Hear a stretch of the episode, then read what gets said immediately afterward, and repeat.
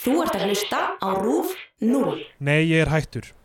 Nú, hvað ertu þá bara farin að drekka aftur? Þú veist að eitt útlokar ekki annað. Þetta er reiklust bíl frá mig deginum í dag, sko. Ef þú ætlar að reykja, ætla ég að byggja um að gera það einhver staðar annar staðar. Það veiti bara ekkert af því að reykja inn í þessum bíl. Það er svo ógeðslega lykt, elska mín. Það er kannski bara sinns á að... Segir hver? Margur heldur mig sig, ha?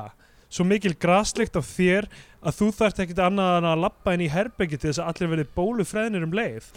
Þeir eru bara ekki að borga fyrir það á meðan, elska mín. Í Bíotvíu dagsins tökum við fyrir kvikmynd Solveigar Ansbach frá 2008 Skrapp út.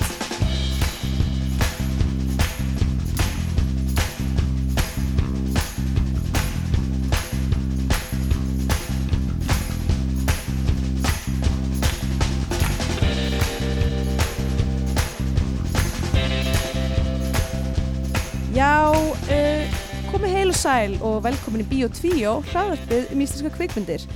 Hér uh, er ég, Andrea Björgandistóttir, með uh, mínu með uh, host, hvað segir maður? Mér er hýsill. Me, með Ísil, uh, með stjórnanda. Nei, það er annað. Það er svona morfísugdag. Já, já eða svona, í stjór, svona stjórnanmeðlumur, með stjórnandi eða Já, eitthvað. já. Já, um, já Ste Steindor Með Greitar mæ- Jónsson. Ég er auðvitað með mælandi. Já, meðmælandi, það Já. er annað. Uh, já, góðan dag. Hæ, Við erum hérna út á svölum þannig að það getur verið uh, að keiri uh, sjúkrabílar eða slökkulisbílar. já, það er sjúkrabíla heimili Heimili sjúkrabílarna er Já, hérna í götunni. Sjúkrabílarnir búa eða neður í Já. götunni Já, ég, okkur leist ekkert á þegar þeir fluttu inn í hverfið, það er svona óæskilegt svona Já, meitt svona sjúkrabílar sem að Já. maður veit Þú aldrei veist, hvað er að kom- gera kom með alls konar vandamál, ég hef tekið eftir því eftir að sjúkrabílarnir fluttu inn í hverfið Alltaf að þá eru kvi- alltaf einhverju sjúkrabílar að keira um skilur, þú veist, að Já, greina að aðrir, búið sjú, að- aðrir sjúkrabílar Já, þeir br- koma með þá með sér en svo líka bara Bara, Þú veist hvernig þetta er, fyrst koma svona tveir sjúkrabílar Já. og svo koma allir hinn í sjúkrabílarnir Nákvæmlega, og svo lækkar fasteignaverðið út á sjúkrabílinum og, Þetta er í annað skipti sem ég bý e, í útlöndum, eða sem sagt bý annars stæður á Íslandi og bý í götu þar sem að er sjú, e, sjúkrabíla heimili já, uh, bæði í New York og hérna þá hef ég einmitt uh, bara uh, lent á götu þar sem er, er þetta svona já, hvað sem er Þetta mikla óæskilega element sem Þetta- þetta- já, einmitt nákvæmlega Uh, sko, ég held líka í, svona í stórborgum er náttúrulega miklu meira af þessu, er, í í Reykjavík er þetta ekki bara þannig í skóarhlíðinu og ekkert annað já, jú, það er kannski rétt svo náttúrulega líka standa öll hús á Íslandi svo langt frá hverður og það er aldrei neitt aksjón Já, sem sagt, ef þau væru nær hvora öðru þá uh, uh, myndu, myndu frekar kvikna í og svona. já, eða þú veist, þá myndi eldurinn smitast á, Já, mynd, já. á myndli Það er alltaf svona brandveggir náttúrulega milli húsa já, og stundum á Íslandi þá bara snúa þeir eitthvað út og þú veist, það er engi gluggar á eitthvað hlið á húsi já, og bara af því að þau hefur kannski verið rifið eitthvað hús eða eitthvað við hliðina og þá, já, einmitt þá, og þá hugsa maður bara eitthvað, "Djö, hver planaði þetta? Já, Þú veist, ég ætti snýri fáránlegt. suður og maður er eitthvað, akkur ekki gluggar á þessari hlið, sko. Já, ymmit, en það er nú yfirleitt búið að svona planta einhverjum, einhverjum, flott, einhverjum flottu graffiti eða þannig vegi. Já, Að Þeir eru fullkomnir stri, strigi fyrir hinn almenni listamann. já, Sara Ríl búin að Já, gera sín svona plastra öll hús í bænum. Já. Ég fann einhvern tímann eitthvað svona eitthvað Google Map yfir uh, vegglist í miðborg Reykjavíkur sem einhver svona túristi hafði haldið úti Ok, eða eitthvað. og, hve, og myndum öllu eða? Mm, Nei, bara þú veist, hvað er þú gat, gast lappað og séð það sko? Það var svona walking tour af Já, ok. Nei, Og, og fórstu að tekka Um það á möllum eða? nei, nei, þetta er ekki. Það var svona, þú veist, ég man ekki einu sinni hvað neitt er þannig séð lengur. Á Íslandi? Já, af því að maður sá þetta svo mikið í miðborginni, maður hugsaði ekkert sérstaklega þetta er þarna kannski. eða Já, ymmit, maður er bara svona eitthvað labbandu og eins eitthvað. og ef "Hmm." maður lappar í einhverju listagalleri þá hugsa maður ekki á þetta var í þessu rými í, Já, já, Endilega, ymmit, maður- nákvæmlega. Jú, vissulega. Uh, að því Reykjavík er náttúrulega bara eitt stórt listarými. já, algjörlega, algjörlega listasafn Já, þessi borg, ymmit. Ma mannlífið á götunni eh, vegglífið á vegglífið á veggjunum. veggjónum og húm, þaglífið á þögunum Já. hún er alveg fallið úr lofti það er, þú veist, maður hefur séð einhverja myndir af svona frá Reykjavík. Hallgrímskirkju Já, og já, horfa- veit. þú veist, Svona yfir marglit. þökina, það er alveg, Það er Kúl, svolítið lett, sko. já, það er rétt. já um, uh, Uh, voru í lofti já, við hér og örglega í Reykjavík uh, eða eitthvað, Nei, veist, ég held að sé ekki gott verið Reykjavík. ok Sveimi þá, en ég get komast að þið. En já, við erum hérna, setjum út í hvað, eh, átjánstuði að hitta eða svo. já, þetta er bara nokkuð fínt 20 eitthvað þannig, já Já, 23 segir síminn.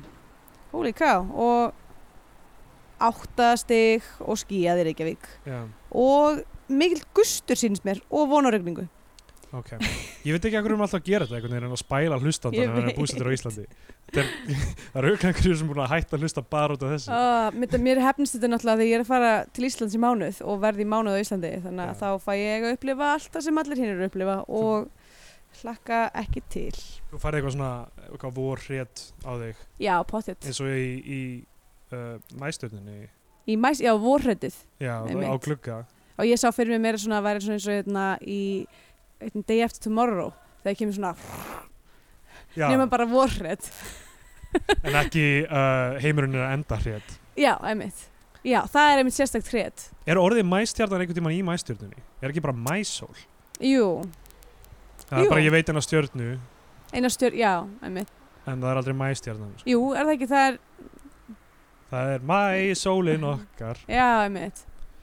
uh, Já, það er rétt, það er bara mæsólin. Já, skrítið, en he, akkur heit, heitur hún ekki mæsólin? uh, Ljóðið það? Já, Nei, þetta er mæstjarnan held ég ok. Það er bara eitt af þessum ljóðum það er alltaf eitthvað svona íslensk ljóð sem allir he halda heiti eitthvað ákveði Mm. eins og uh, hérna Ég er komin heim. Nú andar suðrið og ég er komin heim Já, og e- e- einhver nokkur þannig tíminn er eins og, er eins og vatnið heitir um, tíminn. ég fór út í búð í dag og veist það skrítið Já, vá, það var mjög weird. hérna, ok, hvaða, heyrður, það er einhver alls konar óskunda Já. hljóðið þetta undan svölum. að líf og fjör í, í sjúkrabílunum Já, vissulega. uh, já, er eitthvað hérna sem við viljum tala um í dag það er uh, þetta er hátíða þáttur Er þetta, ha- já, einmitt vissulega, jú, við erum að halda upp á um, eitt af 20. fjölmörgum... apríl sem 20. er einmitt ammælistafur Hitlers Já, einmitt. skrítið, við vissum ekki að við fluttum í Ó, hvað það er Fárlegt, en það er allir hérna, það er skrúðganga, sko. ja, skrúðganga Það er Mjög skrítið. Nei, uh, já og uh, já, ég hef ekkert meira um það að segja Nei, einmitt. En það er það sem við erum að halda upp á og uh, skemmtilegt. Uh, við erum að taka bíómynd fyrir sem heitir já, Skrapp ekki út. bara byrja að tala um skrapp út Já, ég held að við Gerum erum bara það að gera það. Já. Skrapp út uh, frá 2008. Já, og það er ástæða fyrir uh, við erum að taka hana núna er af því að hún snýr að deginum 20. apríl Já, með þeim hætti að, að það er dagur kannabisreikinga já, alþjóðlegur. einmitt. uh, sem að er, 420, komst eins ég og að fólk segir. ég fletti því upp um daginn af yngri sýsturgri ástöðu já, uh, og það er sem sagt, flokka sem secular holiday á Wikipedia og er, ég veit náttúrulega þetta veit ég að það er haldið upp á þessa hátíð í San Francisco þegar ég bjóðar uh, að það er bara skrúðganga og fólk að hittast í garðinum og bara Einmitt. börnin börnir að leika sér og allir að tóka maður held að þú veist, það var einhverju sjúkrabúlar flutin í það hverfi á því að stafaði reykur upp úr öllu en nei, það var bara fólk að Já, reykja bara- það var svona ógisla fyndið þarna af því að þú varst þarna, Já, já, þú varst í ég, fríi ég kom hana að heimsækja sko. þegar við byggum í San Francisco og við fórum á að að sjá bara þú veist, út, í- út, uh, út á götur San Francisco borgar Já. til þess að upplifa þessa hátíð þetta er eiginlega eitt mesta menningasjótt sem, ég- sjokk sem ég hef upplifað, það er bara allir eitthvað, hl- þú veist, í skrúðgöngu til þess að fagna því að þeir reyki já, það er mjög skrítin pæling og síðan þú veist að lögreglan var þú veist með e, þú veist í ráðum í rauninni að passa upp á þú veist, ekki, með í ráð eða þú veist, ekki með í ráðum heldur, samseg heldur þú veist út af því að þetta það, þessi, Vitorðsmenn. já, vitorsmenn þessari skrúðgöngu Þú veist, að því það er skrúðganga og það er lokaðar eitthvað almenna götur þá var þú veist lögreglan með svona, eitthvað svona barricades að passa upp á að skrúðgangan færi rétta átt og eitthvað svona já, en þú veist en allir eru bara eitthvað að já ofinberlega ofinberlega að reykja gras Náttúrulega núna á í götum úti. Kaliforníu er búið að lögulega þetta í Einmitt. uh, um, uh, recreational, hvernig myndum maður Já, einu sinni því það, í uh, skemmtanaskynni Skemt, skemmtana, já, Já. lif Já, þannig að það þarf ekki einu sinni lengur að vera með kort, Læknisvottorð, já. læknisvotor til þess Einmitt. þar um, Já, einmitt, og þegar við vorum hann í garðinum þá að labba og taka inn mannlífið Já. þá þegar klukkan sló 20 mínútur yfir fjögur 20. að það apríl bara styrlaðist allt sko það var bara, fólk bara þú veist, það var rosa mikið eitthvað svona dudes eitthvað svona smoke it up eitthvað æfandi Er ég ætla að taka að mér að láta alltaf vita hérna Já, að Hvetja núna þetta er fólk, klukkan nú er tími til að reykja nú er klukkan Allir- 4.20 á 4.20 og þið veitir hvað það þýðir og það var bara allir bara allir sem til vettling gáttu valdið byrjaði sko að, að sko, bara sjúa svo harkalega að það bara öll jónan hvarf og svo bara gera eitthvað svona risa ský Reykstrokk, þetta var eins Reykst, og þetta var rosalegt sko, þetta breyttist yfir allan, allan Golden Gate Park, var þetta ekki Golden Gate Jú, Park? þetta var eins og skrýmslið í Lost, það var svo mikill reykur. Já, einmitt, ég hef ekki sér lost þannig að ég veit ekki Nei. hvað það þýðir Um, En þetta var mjög skrítið, vissulega uh, já, mikið menningasjók, mikið af svona hvítum gaurum með dretta í svona tæta í Já. bólum. Það sem ég fannst eiginlega fyndnast var að sko að að því þetta er í bandaríkin að þá er auðvitað kapitalismin búin að byrja að kæsa inn á þessu að því það var þú veist fólk sem að var að selja eitthvað svona 420 glingur Já, eitthvað svona perlihálsmenni með marihuana-laufum og eitthvað svona og þú veist, og líka bara eitthvað gæi sem var að selja bara eh, hérna, pre-rolled joints bara, þú veist, það var bara búin að vera eitthvað að dunda heima þessu svona eins og þú veist, á venjulegum einhverjum svona hátíðstöfum, það var eitthvað svona dú- dúlla sem að þú veist, bakar kökur og eitthvað Já, svona já. kemur með þær að, nema þessi gæi var bara heima eitthvað svona að föndra að geða mikið af jónum til þess að selja á 420 deginum já. það, Fólk er ekki að gera þetta nóg mikið svona fyrir, fyrir uh, krakkana og íþórtafélagin sem þeir eru í og eitthvað já, svona. nákvæmlega Um, en já, já, það er búið að lögulega þetta í, í Kaliforníu já. og uh, þannig að þetta, þetta var kannski aðeins meira, þú veist, þetta var ekki neitt mál samt að því að löggan var að fylgjast með og eitthvað, en Já, þú já, veist, mitt. þetta var alveg jafn ólulegt fyrir því, sko. já, já, einmitt En þú veist, núna væri það ekki. Núna verður þetta bara, og öruglega er þetta, eru fólk eh, eftir nokkra tíma að hérna vakna upp í, í San Francisco borg og, og grípa til jónuna sinna og hlaupa út til þess að fagna þessum, þessum einn heilagasta af, af helgidögum. Já, um, en uh, já, 420 frasinn samt sem um, uh, ég ég held ég hafi haldið fyrst, þú veist þetta væri uh, tengdist þarna í lauruglukóðunum eins og 187 er morð og Já, eitthvað ég svona. held það líka. Já, ég held að allir hafi haldið það einhvern tímann og Já. svo eitthvað las ég mér til um þetta og þá átti þetta að hafa snúið að einhverjum hópi krakka sem fór alltaf að reykja, hittast að reykja klukkan 420 Já, en það var ekkert eitthvað staðfest heldur sko. Nei, þannig, Þannig að að- þetta er bara, það, já, það, þú veist, það er alveg óljóst hvaðan þetta kom sko. Og- ég ætla bara að kasta því fram að þetta sé biblíuvers. ef þú opnar bara eitthvað Já. John 420 þá er það bara and Jesus said unto them smoke up Eitthvað nei, samt eitthvað með stónd, sko. já, já, einhverja grítur meinar Já, og uh, frillan hans var grít já. að beðinni drottins eða eitthvað þannig og uh, En hvernig er aftur þessi, þessi setning hérna uh, hv- á ennsku sem sagt, sá, sá eða sindlaus er kastið fyrsta steininum já um, hvað ég, ég veit ekki af því að það, það var ekki cast the first stone er það alltaf Já, ok, ok það er ekki ég, þú veist, ég veit ekki hvernig það var hægt að orða það þannig að stoned væri notað þú veist Já, sá ykkur sem Let sindur sér the- let sjáu- them be já, stoned. já, sjáu til að allir aðrir verði stónd já, emmitt um, já, en, þa en það tengis síðan það verður síðan setna 20. apríl verður eitthvað svona hátíðastæðurinn Já, uh, og nú er fólk Í- bara að fara að fá frí í vinnu og fara út í garmi börnin sín Já. og bara en náttúrulega í Evrópu er, er þetta 204 Já, emmitt 20. apríl Það er rétt þannig að hinn rétti að mínum að hinn rétti 420 í Evrópu hlýtur að vera 4. ágúst sem þess að fjórði dagur 20. mánuðarins 20. mánuðarins, hvað er það að tala um? Eh, Já, sem sagt, þú veist, þú fer heilan hring með ári Já, þú verður Það er eitt þannig ár það- plús átta Ok, mánuðir. þannig að, þannig að, þannig að þetta er bara haldið á tveggja ára fresti í rauninni Já, já, í já, Evrópu reyndar Nefna þú mælir alltaf frá nýjasta hérna, 20 ára 20 Já. mánu Þannig að þá verður maður bara alltaf að reikna já. já, það heldur áfram að færast 20 mánuði fram í tíma frá einhverju svona Já. fyrsta færast alltaf aftur um fjóra mánuði á setna almanagsar uh, Úf, Já, ég held ég get ekki haldið upp á þetta ef þetta væri svona flókið sko nei, nei, ég held að fólki sem heldur upp á 420 Nenni var að pæla það í var ekki þessum tök á að útreikningi. fylgjast með þessu og eru líklega ekki með dagatal Nei, þetta, þetta fólk, Fólk- þessir eitilíu já, notendur þetta fólk Þeir sem eru er ekki ekki eins og græs með dagatöl Þeir skilur, það er svo sko- illa komið fyrir eða klukkur eða klukk hvernig vita er eiginlega hvenær þeir eiga að halda upp á þetta þannig að maður bara spyr sér sko já. um, en allavega skrapp út er mynd sem ég veit ekki, fjallar hún um kannabisreykingar er, hún, er, það, er, hún, er það svona mó, það er bara mótíf í henni eða hvað sko ég myndi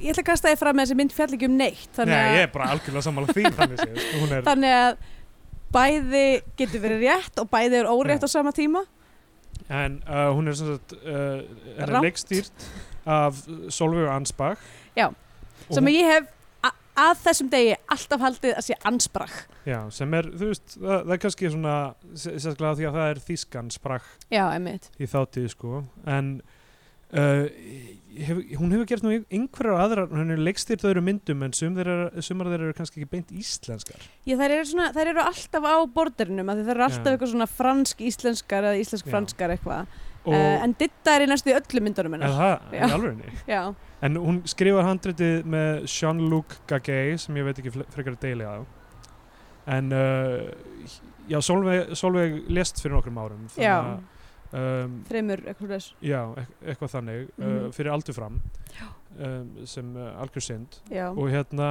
en uh, þessi myndinar uh, með dittu skáldkonu í hlutverki já, kom kom út, hei hún kom fjó, út fjórum dögum eftir 420, sem sagt 8. ágúst 2008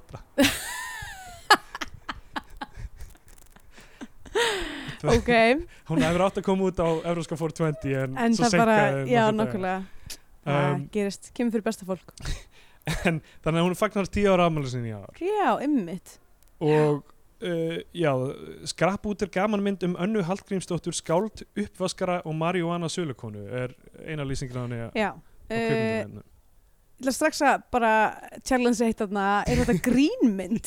Já, ég veit ekki hvað ég veit ekki hvað hann á að vera sko. Eða, þú veist, var þér skemmt?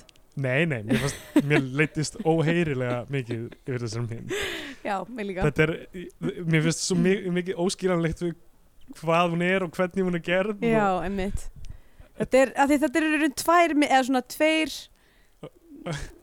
Ok, við Ok, þurfum byrjum þau- bara á já, byrjuninni. förum bara í þetta og hún byrjar á því við heyrum reggi Já, auðvitað, vitskuld Sigur Guðmundsson og svona Hjálma hérna, veit ekki hvort það voru nákvæmlega Hjálmar eða svona Hjálma tengdir uh, tónlistamenn sem gerðu uh, tónlistinni í henni að Já. miklu liti og myndin endar á bara svona tónleikum með þeim Já, það er allir bara einmitt. eitthvað eitthvað hreyfa sig við tónlistina þeirra og Sigur Guðmunds Já. að syngja er það samt ekki eftir kreditin? Nei, það er í kred, bara já, kredlistin Já, já, já, já, einmitt, það er í rauninni kredlistin einmitt. um, og svo sjáum við Dittu Mm heima hjá sér hún eh, leikur þessa önnu og svo er hérna Gaurin og Rottweiler ah, nú mann ég ekki hvað hann heitir um, eh, sem er að kaupa af henni eitthvað þarna Gæinn sem að vildi, var að vinna í liftu Nei, vinna í nei, sem, ok, krana nei, það, það, ég man ekki, ekki kran, ekki kranamaðurinn kannski, alla, þetta er mjög ruglandi en allavega hann, En þú Þetta- ert ekki að tala um erp ég er ekki að tala um erf, nei, Æ, hvað heitir aftur á það Gaurin í Rottweiler Já, Uh, ég, er að, ég er að fletta upp hverju voru í Rottweiler um, en uh, það stendur ekki á Wikipedia sí. Nei, jú, hérna er þetta um, hann er kreditaður sko Mm, Er þetta Lulli? Hann er kreditaður á E IMDb uh, undir, undir sem sagt, að ég held það sem eh, kranamaðurinn En allavega hann er sem sagt að kaupa gras og, það, Nei, og hún þetta er er ekki eitthvað að sísla með grasið og þau eru að tala um vinnun hans og hann vinnur á krana Já, núna, le- le- mér leiðist með þetta ég mun ekki hvað þessi Gauri Rottweiler heit, eh, heitir sko. Ok, mér líður ekkert illa með en það allavega, ég, ég, mér leiði mjög illa með það af því Ah. Af að ég er hverju? með minningu af þessum Gaur þetta er þetta síðari Gaurin í Rottweiler svona, Ok, um, af því að ég var örgulega svona átján ára í einhverju partí og var að drekka í svona eitt af fyrstu skiptum og var bara ungur og vitlaus og Gaurin var í þessu partí og mm. var bara að vera, þú veist, bara að vera að kamma á með fólki og Já. eitthvað og ég einhvern tíðum mútið sitt eh, við liðan á honum og mér líður svo illa með þetta ég ber upp á hann sem sagt eitthvað sem ég hafði heyrt, ég er eitthvað svona, hei maður hérna, þú ert í rottvalar eða ekki, hann eitthvað, jú ég eitthvað, hérna, er ég heyrði að þú fílaðir ekkert í alveg í rapp og, og þú eitthvað, hérna þú væri í þessu fyrir Vá. peningar segir Fyrir ég við hann, peningana? eitthvað hannig þú væri rockari, sko Já, ok og hann er bara eitthvað hvernig getur þú sagt þetta við mig Hva- hvernig þetta er þetta í hug hver ertu eitthvað, þú veist bara Hver hann, ertu? verið, hann var bara mega leiður Æi og þetta situr í mér sko því þú veist, ég meina hver var ég eitthvað ú þú hérna Líka, hva, hva, hvaða ástæður í þessari hljómsveit það kemur mér ekkert við og eitthvað verið eitthvað hver sagði þetta og af hvaða tilefni? já nákvæmlega þú veist fáránlegt dæmi þetta er eitthvað sem ég hafði heyrt frá einhverjum vinum mínum Já, bar þetta upp á hann eins og okkur algjör fáviti deli, ok, Já. allavega við munum ekki hvað hann Alla- heitir Já, mér finnst en, það ennþá vera núna af því að ég, hérna, ef, ef ég kynni að hann var að hlusta þetta bærist til hans eyrna þá bara fyrir ekki að ég sagði þetta við þig fyrir mörgum, mörgum Mjög árum, mörgum árum, Manstu- en- hann mann örglega ekkert eftir Örglega ekki, en þetta sit- situr í mér Þetta er svona, þetta er svona kvíðadæmi, svona poppar upp í hausin allt í einu eitthvað mm, Ó, fokk, ég sagði þetta já, já, einmitt, Ah. kannast við það Ah. kannast við það Alla, hann er að kaupa henni gras Já. og uh, þau eru að reyka saman í eldhúsinu hennar þau eru að tala um það að hann er að sendast til einhvers þingmanns með gras já, af því að þingmaðurinn, eða, sem sagt, eftir hann komst á þing þá þú eru hann ekki að mæta beint til hennar þannig Já. að fó- hún, fólk skuttlast frá henni til þess að þingmanns með jónur eru hverju, já, því hann þarf að allt andliti um, og svo fer rottvæligurinn út og Ditta byrjar að skrifa ljóð á veggin já af því að hún er sko ekki bara grasali heldur er hún líka uh, poetess oh, af hverju hvað er málum með þetta orð Ég hef aldrei heyrt Poetess. þetta áður, sko. af því að eh, þetta er notað í myndinni sko væri rétt að orðið ekki poetrix ég reyndar sá hana ekki lesa neina bækur í uh, allri myndinni þannig að Já, nema sína eigin þannig að Ditta er sem sagt, eins og í alvörunni skáldkona í þessari mynd já og Ok, ég veit það er ekki hvort mjög hún vaskar skrítið. líka upp og hvort hún selur líka gras en þú veist, hún hefur Ditta, alltaf Ditta eh, skáldakonan já, Didda. skáldkonan Eh, já, hún, já, go- það er góð spurning uh, en allavega, það er mjög skrítið út af því að hún heitir sérst, hún er að leika karakter sem heitir Anna í þessari mynd já. og er líka skaldakona Já. um, og svo á þessi Anna í myndinni tvö börn Já. uh, sem heita Úlfur og Krummi já, og þau eru leikinn af börnunum að dittu í alvörunni sem heita Úlfur og Krummi í alvörunni, Já, þetta eru bara S- börnunum að dittu að leika sig sjálf þú veist þetta klikka Mhm.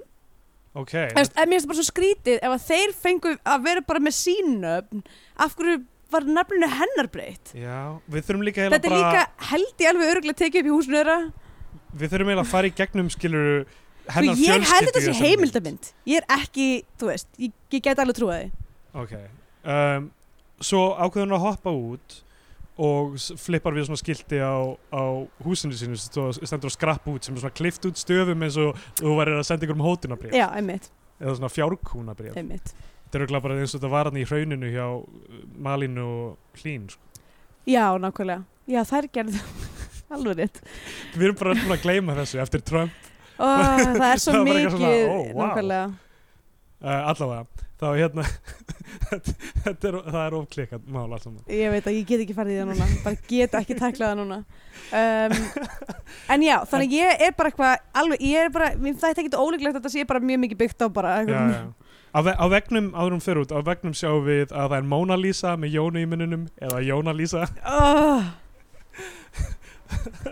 Já, Alltaf, hún, hún fer Fyndið. út, hún hoppar upp í bíl hjá Jörundur Ragnarsson leikur þá bróðurinnar, manneskju. já, Já, sem ég held að veri sonur hennar í Fyrst, alveg já, svona já. fimm mínútur eða Einmitt. eitthvað. einmitt En það er bróður hennar sem er, lúkkar tölvert mikið yngri en hún Já. Alltaf, Jörundur Ragnarsson er að kvart í henni, hún er alltaf að reykja, hann er straight edge núna, skilur, alltaf Mhm. hættur að reykja gras og, og drekka og já, og kerur á þessum bíl. Og þarna hefst sko svaðilförin hennar í þessari mynd Já, sem eh, og ekkert af, henn, ekkert af þessari svaðelfur ekkert sem hún gerir er af hennar hún bara flýtur um já, svo sem ekki alveg rétt, ég meina hún uh, henni kast, hún, hún á það alveg skilið að vera hendur þessum bíl sko, að bróðu sinum já en það er aldrei svona svo ákvörðun hjá henni að fara í þetta ævintýri í rauninni, sko. rétt, vissulega þetta er svona, hún er smá farþegi einhvern veginn Já. mörguleiti en alltaf það fyrsta sem hún gera er að fara niður á höfn þar sem hún f- fer yfir jeppa við hliðan á sem Stefán Hallur er í Já, og hann vill ok, það, það sem ég áttaði mikið alveg á hann vill kaupa af henni síman hennar já, af því að kúnnahópurinn hennar sem ringir alltaf í hennar síma er svo mikið sverði að hann er tilbúin að kaupa kúnnahópina af henni fyrir 1,5 miljónir. rétt Þau eru að hagla um það verð. Já. Því er það ekki að hún þurfa að láta frá sig hennar kúnnahóp. uh, Alla kun, jú, alla Já, kunna Ég meina hún er, að, hún er að plana að flytja til Erlendis Já, já. Hún er já, að taka klassíska, þetta íslenska Flóridastef Já, sem að svo margir uh, hafa þráð einmitt. nema hún endar á Jamaica, Já, ekki langt frá sem Allavega. að var rosa gott pönslan í lókinu. Já, einmitt, haha Svo fer hún til Hverjar eru Jamaica. líkurnar? Æjæjæj, en hérna uh, Já, Já, hún, en hún sem sagt ætlar að selja honum hennar síma sem þýðir líklega að hún bara ætlar að hætta í bransunum og uh, flytja til útlanda. einmitt já. ok, það gefur henni aðeins meira að því ég var ekki alveg sannfærir um þú veist, án ætlaði að hætta því að Já, fólk var ennþá já. bara að hanga heima hjá henni og Þannig að reykja þú veist að alltaf. býða eftir þetta myndi breytast í einhvers konar glæbamynd. Nei, eiginlega ekki. Ég veit ekki alveg hverju ég var að býða eftir. En það sem gerist er að Jörgundur Ragnars ætlar að skuttla einhverju öðru eitthvað annað en hún, hún þarf að drífa sig heima því að síminn er alltaf að hringja og kunnar byrjar að mæta heim til hennar. Já. Ólafía Hrönn, uh, Krummi Mínus og Eh, Erpur já. Eyvindursson eru með þeim fyrsta svæði og einhver franskur strákur, og einhver gamall maður gamli maðurinn er fyrstur á ja, gamli svæði maðurinn er fyrsta svæði sem á Mér- að vera svona eitthvað, hm, virðulegt eldra fólk re- reykir reykir líka gras." græs en það var aldrei, hann var aldrei kynntur til leiks og, og, hérna, og hann er samt svona á svæðinu alla myndina um, Já, það er eiginlega enginn kindur þannig séð til leik sko. nei það er rétt um, og hérna hún þarf að drífa sig heima að byrja að afgreða þetta fólk en Já. það bara lappar inn sko. það er ekkert eitthvað, þú veist, það er greinlega þannig cool vibe í gangi í þessu húsi uh, já, það er bara, já En þetta er svona hún- já, unuhús já, já, típa. einmitt, já. allir þetta, ok það er hérna, alltaf, alltaf, alltaf hérna rúluð einn jóna fyrir þann ókomna mjög gott Alltaf þá, hérna, Jörundur Ragnarsson ætlar að fa- koma eitthvað við og þau, hún pi- sofnar og þau pikk upp eitthvað írskan puttaferðalang já, hann er eitthvað, keir eitthvað út í raskat Já. til þess að hérna, sækja eitthvað fisk Já. og snappar á eitthvað útlendinga því hún byður hann um eld Já, hann er sturdlaður sko uh, af því að bara eitthvað pappi minn dóur krabba meini hvernig, þú ættir ekki að reykja, þetta er ósýður fór hann í eitthvað mjög dítild lýsingar á því hvað gerist fyrir hálsinn manns og Já. eitthvað og- það er ræðilega sena bara allt í að heila hann er bara Já. mjög abusive við þessa írsku stelpu sem Já. ba- bað um eld einmitt. en hún ákveður að fara far hjá hann um á litla hraun af því að, ok, þetta er sturdla dæmi skilur, af því að kærastinn hennar írsku, írsku kærasti, þau búa í Írlandi mm, hann er á ferðalagi á Íslandi lendir í einhvern slagsmálum, er fullur og bara uh, lemur einhvern eða eitthvað já, þannig að hann lendir á litlar hraunni hún mætir til Íslands til að heimsækja hann já, fær, þetta far hér með þeim upp á litlar hraun og lappar svo út og, og, og tala við ditt og þá bara já hann sagði mér upp bara hann dömpaði mér já. og hún er ekki einu sinni leið eiginlega strax eða Eh, hún fer nú samt eitthvað að gráta Já, hann fer að og- gráta einhvern tímann en Jú. bara eitthvað, ha- hún mætir og bara eitthvað hei, hann er á sínum bara vesta punkti hann er í fangelsi í öðru Já, landi já. eða eitthvað og það, sem hann gerir er að dömpa henni já þa- eh, bara, við sjáum þennan mann aldrei sko. nei reyðast lag sko já, uh, en allavega hún einhvern veginn endur á að slást í fyrnes og hún er eitthvað svona net Jesus freak já, þessi gæla já, nákvæmlega já, uh, alltaf eitthvað svona að reyna að bjarga fólki já. hún er með Florence Nightingale syndrom Já, hún slæst með í för en uh, sem sagt, Jörundur keri bara burt þegar þau eru komin hvað á litlarhraun eða ekki, jú, a- af því að hún heldur áfram að reyki bílum hans Já. þannig að hann sparkar henni út bara og fer aftur í bæinn uh, hún fer svo að tala við einhverja menn sem að vinna í fangilsinu finna þeng- sem hún þekkir rosalega vel og eitthvað og er bara að spjalla við þá um einhverja heimspeki og eitthvað, já, emmitt eða svona einhverja svona En það er eitthvað starfsmenn, starfsmenn Lillarhrauns eða eitthvað líka. já, Þau eru bara eitthvað að borða vöflur og, og ræða málinn og þá, já, hérna, já ég skildi ekki alveg, eins og, eins og ég skildi þetta þá var, var þetta fólk eitthvað tengt, tengt í gegnum fjölskyldu af því að ein, einna gæðunum var eitthvað svona að segja dittu og hún þurfti að fara að heimsækja um, bróður sín. já, sem getur verið í fangelsinu eða eitthvað En nei, hann var bara bjóð síðan bara okkur Ó. um sveitabæ.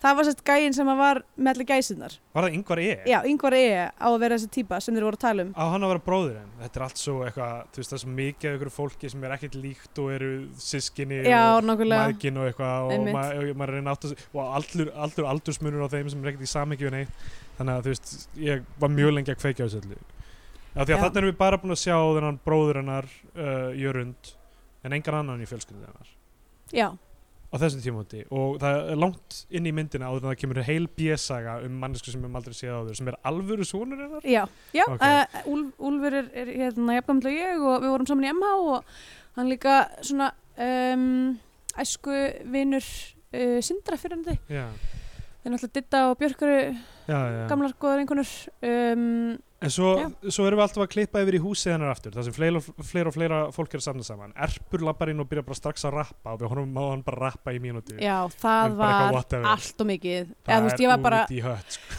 ok, ég sko fyrst var eitthvað svona uh, en svo bara svona, bara svona stípnaðist, bara svona vandraði brosa andlið á mér svona eitthvað uh, og ég fekk bara svona það svona heldist yfir mig bara allar minningar þess að hafa verið föst í ykkur chilli með uh, einhver svona ofvirkri sjálfselskri mannesku já, sem þarf eitthvað sem þarf ókslega mikið að taka Já. upp allt plássið og, er, og telur sér besta af öllum og það er bara svo líjandi já, eða grípur upp, þú veist, kassagítarinn og- oh, það er svo líjandi Já. þess, þess, eh, svona, svona típur eru bara svo miklar orkusugur já, erfitt líf, sko, um, verið kringum þannig fólk já, en alltaf, já, þetta er mega skrítið og ég fer strax að velta fyrir mér, þú veist, á þetta að vera alvöru fólki á þetta að vera alvöru erpur já, og já, krummi mitt. og sko, af því að sumir eru það ekki af því Já. að óttar proppi mætir og hann á að Hann vera er læknir einmitt sem ég fyndi að því að hann var heilbreyðisáður Já, sem enginn hefði nákvæmlega. getað séð fyrir árið 2008 að enginn getað séð fyrir sér eiginlega endilega að hann fari í borgarstjórn tveimur árum síðan nei, nákvæmlega og uh, já, heilbreyðisáður og komin út úr pólitík á, á stettum tíu árum frá þessi mynd kom út einmitt já, hann er Shit. bara hættur það er já, bara hann f- bara fjalla þengi búið spil uh, fann aftur að selja bækur eða eitthvað já, Um, hann er, að vinna, hann er held ég eitthvað í bóksölu stúdenta eða er eitthvað með hana eða eitthvað Já, ok. ég man ekki alveg nákvæmlega, getur verið að bylla já, um, eh, en allavega það er þessi frakki þarna sem er svona búin að Já. ferðast til landsins til þess að finna dittu af því hann elskar ljóðinu hennar svo mikið og er að skrifa þýsis Já. um, um ljóðin hennar og, hann já, er eitt svo franskasti hann er eins og franskæsk, þetta er bara næstu því eins og í kveikmyndir í stuttur frakki þetta er pínu, ég meina hann er svipað hlutverk og þetta líka, þetta hlutverk er svo mikið það er svo mikið svona styrkjar hlutverks já, lyktaði, bara eitthvað svona að Ah, við þurfum mjög mikið að styrkja líkt að því við þurfum að fá, hérna, setjum inn einhvern erlendan karakter svo við getum fengið styrk frá Fraklandi einmitt. Af og því sama ég var mega- með stuttan frakka það sem já, Eh, sá nákvæmlega karakter og það- sá ég leikari get og ímyndað það- mér að þetta sé svona í öllum uh, ansbækmyndunum já, eitthvað Gæti svona verið. annarkvort og gerist hún í Fraklandi og þá er eitthvað svona einn íslenskur karakter eða hún gerist sem að Ditta er held ég alltaf já Alltaf- alltaf ditta mætir og hún einhvers staðar. heitir Anna í sko hún, le hún leikur eitthvað svona fimm mismunandi hlutverki mi- mismunandi ansbækverkefnum Já. ansbæk og hérna og hún leikur karakter sem heitir Anna í fjórum þeirra Vá, og það er ekki Lóa í sami. einu ég, ég veit ekki, ég hef ekki séð þessa Þetta er myndir hérna. ekki eins og þannig þarna að- Richard Belzer í Law Law and Order sem er alltaf sama persóna já, og er bara alltaf hann alltaf byrtist í alls að konar droppa öðrum inn í sjónastáttum já. og er alltaf Detective Munch, Munch Já, einmitt. Munch. Var hann ekki í hérna... 420 Munch, Munch. Hvernig er það? Já, það er eitthvað mönns.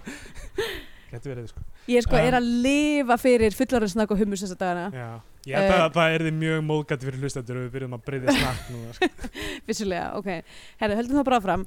Allavega, hann er ótrúlega franskur. Ég er Hann er bara rosa franskur. hreimurinn og hann er eitthvað að skrifa þýsis um ljóð og er eitthvað svona að geta eitthvað svona væminn og eitthvað, oh, Þetta er- Hann er, hann er, hann er agalegur Já. Og svo, ég segi nú bara eins og ég segi nú bara eins og hérna Ólefudari setna í myndinni uh, þegar hann spyr þetta eitthvað svona, hva, er, er hann pólskur?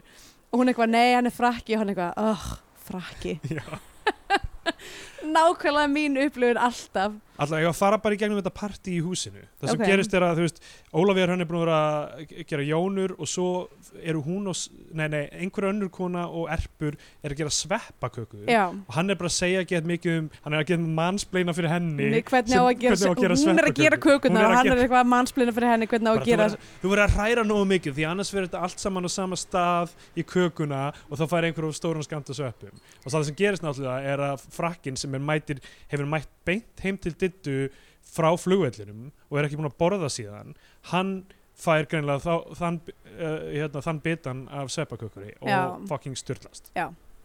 hann byrjar að sjá mjög dæmigerðar svona sveppa ofskinjanir einhvern veginn í bíómyndum já, býtu, Þú veist- var, það- var eitthvað mikið af ofskinu, já, Já, það var, eitthvað- það var svona senan með þarna óperusöngurinn, hvað heitir hann ekki, kjartan eitthvað? já, eitthvað gæði sem er að syngja fáránlega Já, hann er með svona síttdögt hár og syngur í svona falsettu já, og er bara að syngja í partíinu, af því að allir í þessu, það mæta allir í það partí og það er bara Já. allir að missa vitið, sko. einmitt Uh, og frakkinn byrjar að sjá hann og það er svona, þú veist, taumar á eftir honum einhvern veginn í svona visual já, einmitt og svona smá grænslikja yfir og hann, og hann byrjar að sjá hann bara eitthvað svona gæjast út úr eitthvað skápum og eitthvað þetta, Já. þetta er eitthvað, allavega hann er að trippa feit og er mjög hrættur og er, er bara er að fríka út og bíddu, hvernig lendir hann síðan á sjúkrós er það Ólafía Ég- yeah. hrönn einhvern veginn sem já, hún segir einhvern tíma bara eitthvað, já hann hljóp út og eitthvað fór beint upp á sjúkrós eða eitthvað En Já, eitthvað þannig, ég Já. alveg mista það sko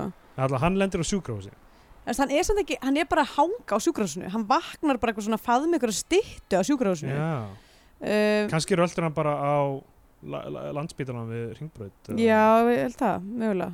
Já, Ok. okay. alltaf ekki, að því, að því þetta er, þetta er þarna í hlýðunum, þetta hús. á húsið að vera í hlíðanum Já, það er allavega, ef ég mann rétt, þá er þetta Mm. húsina dittu ok, og hún bjó í hlýðunum. ok, ég held að það ætti kannski að vera einhvers þar á frakkastíð eða eitthvað þannig, einhvern tímann eru að horfa á hana Ég kann- mér finnst þessum að það sé einhvers þar í þingkoltunum eða eitthvað, þegar þegar við sjáum hana koma út og jörundu sækir hana Já, Æ, veit ég ekki, hef svo þetta sem er gæti pínu- verið pínu eitthvað óljóst cheat, ég veit það ekki, en... Mér finnst ég sjá hérna, einhver skota frakkastíknum sem er eitthvað, allavega, who cares Já. þá ég hérna uh, klárum bara partíð í húsinu af því að það hefur ekkert með neitt að gera þannig sé Nei, nákvæmlega, það Sætur á er bara nætunni. eitthvað fólk sem er bara að hanga. fleira og fleira fólk kemur, Tór Vilhjálm sem mættur Mm Hugleikur Dagsson er mættur Æ, litli babyhulli Babyhulli. Ó, var svo, mikið- mikið- er svo eitthvað enda með eitthvað svona babyfett í kinnunum og get svona mjó skrítin glerugu svona áður en hann tók svona listamanns hullalúkið sitt Já, og Með ekki risa- komin með þetta skröfi hérna skegg nei, nei, það er náttúrulega bara mjög frekar nýtt sko en, Nei. en, hérna, en hann er með svona, hann er með svona mjó svona, svona 90s, svona pínu tussuleg glerugu Ég var líka með þannig líka eða, eða, á, á svipum tíma, þetta var bara það sem var í tísku þá en hérna, fyndi að sjá það núna því hann er búin að vera svo lengi með hérna, stóru Tussu fínt Mm, Um, um, fínt. Og hann er að tala við Óttar Proppi einmitt um, Og Esbjörn Blöndal Já, Esbjörn Blöndal, herði Ég veit ekki hvort ég hef sagt frá því í þessu podcasti áður Nei, En hérna uh, á já.is þá skráði ég sem sagt, starfseiti mitt uh, og ég ákvað að skrá sem sagt, skrifa að starfseiti mitt væri fyrrverandi sérfræðingur já, uh, og svo átt, ákvað ég einhvern tímann í einhverju gríni að fletta upp hvort það væri einhverjur aðrir sem verður skráðir sem fyrirverandi sérfræðingar og einu manneskja er skráð sem fyrirverandi sérfræðingur og það er Esbjörn Blöndal já Nú verðandi borgarfulltrúi, verðandi ekki borgarfulltrúi já, það er fyrirverandi sérfræðingur Fyrir verðandi sérfræðingur í því að hvernig það á að vera borgarfulltrúi já, einmitt uh, Já, það gæti ekki séð fyrir uh, hérna, pólitískan feril þessara manna endilega þarna mm. nema kannski þeir sjálfir en þetta er, þetta er rétt fyrir hrun sko. Þa, Já, það einmitt. hrunið mótiveraði náttúrulega svo rosalega marga að bara láta til skar skrýðar, skrýða með Með einhvern feril í pólitík já, nákvæmlega um, uh, allavega, þeir eru að tala um hvað McDonalds er óholt þeir eru að tala um þegar Davíð Oddsson tók fyrsta Já, bitar af einmitt. McDonalds hamburgar í Íslandi og hvað það er óholt það var 94, þá var Tjók. Já, við erum að tala um tímanfél Stöð 2 var komin Kringlan var komin þjóðarsáttin var komin Já, Viðeigastjórnin var komin Ó. EES var að detta inn og svo beitt Davíð í hann hambúrgara og ekkert var samt nei, framar raunverulega eh, mikilvægur punktur finnst mér í, í sögu Íslands sko Já, ekki spurning og sko þeir eru að tala um, um McDonalds og, og, og hvað það er óholt og meðan er óttabroppi læknirinn að reykja hvað mér langar í McDonalds núna samt sko það er McDonalds hérna neðar í götunni Við getum hérna farið eftir að við getum þetta. farað eftir, ok og ég fæði mér eitthvað skítagrammetisborgara því ég fucking borða ekki kjöt lengur eins og okkur fáviti ok, allavega, höldum áfram þá hérna já þeir eru að eh, hann er að reykja læknirinn samt þú veist þó að hann sé að tala um hvað þessi óholt að bóna McDonalds já, einmitt, og svo fara þeir að tala um kvalkjöt geðið mikið og þú veist þetta tengist engu Nei. þetta er bara þetta partí og öll senar í kringum það er bara hei hverjir lúka áhugaverðir eru, eru þú veist hverjir eru karakterar sem við getum sett inn hérna já, algjörlega einmitt based on bara hvernig þeir líta út og að já, og Íslendingar hvernig þeir þekki það. eru, einmitt mér finnst náttúrulega eiginlega alltaf frekar off-putting þegar alveg fólk er uh, að bara svona vera sig s- það sjálft Já. í, í annars leikinni bíómynd en hver veit nema þetta sé raunverulega heimildamynd eins og ég setti fram þá, þá tillögu aðeins fyrr uh, af því að það er svo mikið af raunverulegum hlutum í henni já, það gæti verið ég væri forvitin ef aðalsögur þráðunum en að síma gerðist í alvörinni Já. sem er eitthvað lélegasta sótomu rip-off eiginlega bara Já, En mitt, þú veist, eh, ég meina, svo sem ekkert sótumur upp of, en af því að þetta er íslensk gamanmynd Já, uh, að- og að hafa svona MacGuffin sem er náttúrulega í rosalega mörgum bíómyndum svona hlutin sem hefur eldast við alla mynd já, er það, ge- það er gert bara svo stutt og illa í þessari mynd af því hún týnir símanum ekkert fyrir hennu miðja mynd einmitt. þegar, ok, fyrst er hún sem sagt búin að fara í fangelsið þarna og fyrst fer hún með írsku stelpunni uh, og, eh, já, fangaverðurinn eða hvað Já, hann er fangaverðurinn skutlar þeim- skuttlar þeim heim til yngvar segja. Já, sem er bróðurinn hennar, já. Já. það hlýtur að vera af því að já, hann, hann ætlaði eitthvað að fara að hitta hann yngvari er, liggur búin að reyna að fara með sjálfsmorð eða eitthvað Já, hann er sérst með geðkvar á síki. Hann er bipolar. Já, þetta er ógeðslega dark, þau labba inn hann er þarna bara nýbúin að hella í sig fullt af pillur Já, og er í dái já. og og hérna, hún keirir hann beint upp á spítala sem þú veist, er, samt landspítala við hring Ég veit það, ég er einmitt um eitthvað, ég, sko því ég skildi ekki almennilega hvar þessi bóndabær var, af því Já. hann virkaði eins og hann væri út í raskandi. ég menn hann hlýtur að hafa verið einhvers staðar á milli Litlarhauns og um, Reykjavíkur Já, þannig að hann er einhvers staðar á Suðurlandinu já, og þetta þetta er alltaf styrla dæmi bara út frá su- sögufræðinum já. af því að hún sér hann þarna í dái og týnir símanum á saman tíma Og, já, það er fullt að gæsum á þessum bóndum Mm. já, hann sérst að þessi maður, hann á gæsir uh, og, og kindur líka Já, og uh, greinlega alveg samum þær. allavega, yngvar ég talar ekki mjög lengi í myndinu af því Nei, ég dái í stóri. einmitt, nákvæmlega, góða punktur. Uh, Þau, eitthvað, hún og þarna, Jesus fríkið Írska, já, uh, þær drösla honum inn í uh, eitthvað landrófur já. og keiri bæinn. já, þannig er hún á landrófinum hans þess vegna skiptir hún, Já. já. af því hún er ekki lengur á, í, í jörundabíl Mhm. um, fyrir með hann í bæinn á landsbítalan þar sem frakkin er Já, Þú veist, það einhverju hlý- hluta vegna. já, þannig að þetta lítur að vera spítala innan bo- borgarmarkana og þá helst nálægt Hringbröð miðborginni bara, eða- við hringbröð, já, gömlu þetta hringbröð hlýtur að vera, þetta er eini sem þetta er ekki borgarspítalinn sem Nei. væri kannski landfæðarlega nær því það sem þau eru að flakka þarna á Suðurlandinu Mhm. um einhverja nokkra mínútur en samt þetta er út í hött, þau keira hann fara bara með hann á spítalan Þetta er það sem er kallað movie magic já, eh, algjörlega ég meina, þú veist, ef þetta er ætlað fyrir fólk sem lætur þetta ekki fara í taugarnar á sér, Já. eins og ég er að gera, ég kannski þú líka ef þetta er ætlað fyrir frakka Já. af hverju eru þá allir þessi íslensku cameo í þessari mynd Kannski var þetta bara nákvæmlega það, þau vildu bara fá okkur svona karaktera sem Já, að þetta fólk lúkan eins og þessi áhugaverð Já, einmitt við skulum ekki skrifa fyrir þau karaktera sem er áhugaverð við skulum lá, láta þau Láta þau tala bara um vera random hluti Já, einmitt, sem hafa ekkert með sögutrámyndarinn eða neinn þemu eða stefi hérna að gera einmitt bara láta þau tala um eitthvað Eru bara einhverjir, einhverjir svona erkitýpu uh, græsreikingamenn Já,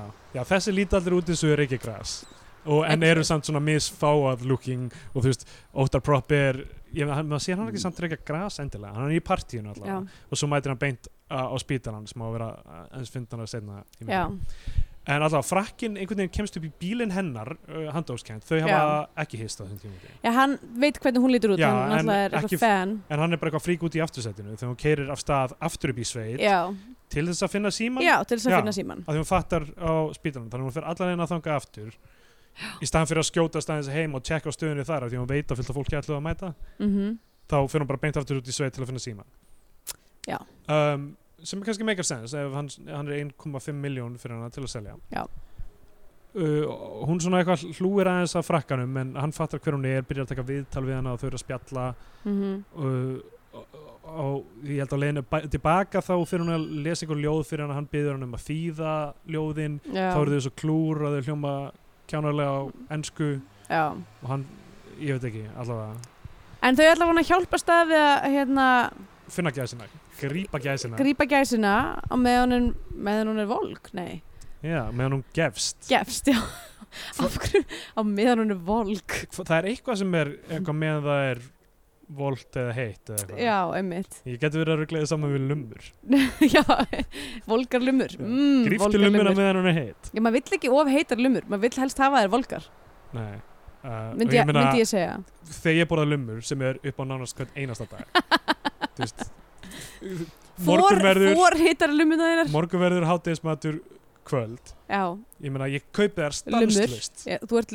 ég kaupi þær, ef einhver er að selja þær þá kaupi ég þær og þegar einhver er að selja þær heitar þá bara tek ég allan lagarinn og fyrir með það heim af því að ég borða lumur stanslist og þá vil ég frekar hafa þær heitar en það er náttúrulega betra að þær eru nýjar og ferskar og heitar já, en ekki bara eitthvað uppbyttaðar Já. lumur, þú, þú veist, ef einhver lumusali er uppvís um það að vera að selja fórstekta lumur sem, er að hita já, öðru einmitt, það er náttúrulega, þá þú bara, finnur það strax bara á, á lumunni, maður finnur það á lumunni og það spyrst út um allt hverfið og enginn Já. kaupir honum aftur, sá kaupir bara out of business sko. Svona virkar raunhagkerfið, krakkar mínir. já, algjörlega Lummu, rau, Lumurhagkerfið. lummuhagkerfið. Uh, en allavega þá uh, já, eru þau að spjalla saman þarna og þau fara að finna gæsin af heyra, er að heyra síminn er alltaf hringinn Heyra í gæs. síminn inn í gæsinni og er eitthvað, ok, þ- hvernig þau voru að reyna að finna þessa gæs var alveg bonkers. já, Að þau bara svona gripu eina gæs, reyndu að hlusta inn í magan á henni og ef, að, ef að það var ekki hú- sú gæs, að það bara svona köstuður Já. aftur. kastuðinu bara eitthvað Já, köstuður bara, voru ekkert eitthvað svona, ok, þú veist, gerum þetta skipulagt tökum gæsinar úr einu hólfi og setjum þeirra annað og hlustum á magan þeirra til þess að kanna hvort það séu með Já. síman, nei nei þau bara hlaupa um eins og okkur brjálæðingar að að grípa gæsir og kasta þeim og hérna, og ég var bara, þú veist, ok þessar gæsir voru klárlega mjög hostile í allar myndinni Feldri slegnar Já. með þessu stól og, og eru sko að hvæsa á þau Já, mjög mikið og það er mörg, mörg atriði þar sem að maður sér bara upp í munun á gæs og ég veit ekki hvort að þið hafið séð sem sagt, upp í munun á gæs en það er skeri, já, þá man maður bara að þetta eru risaðlur já. þetta eru bara litlar, fáránlega risaðlur Litlar fyrraðar risaðlur sem vilja bara glefsi í mann bara. Já, að þú veist, það eru með eitthvað svona fáránlega tangarða í gogginum sínum sem eru sko mjög skeri Já. og maður vill ekki láta sko gæs eitthvað vera að býta sig sko, þær eru, þær eru fæsti Já.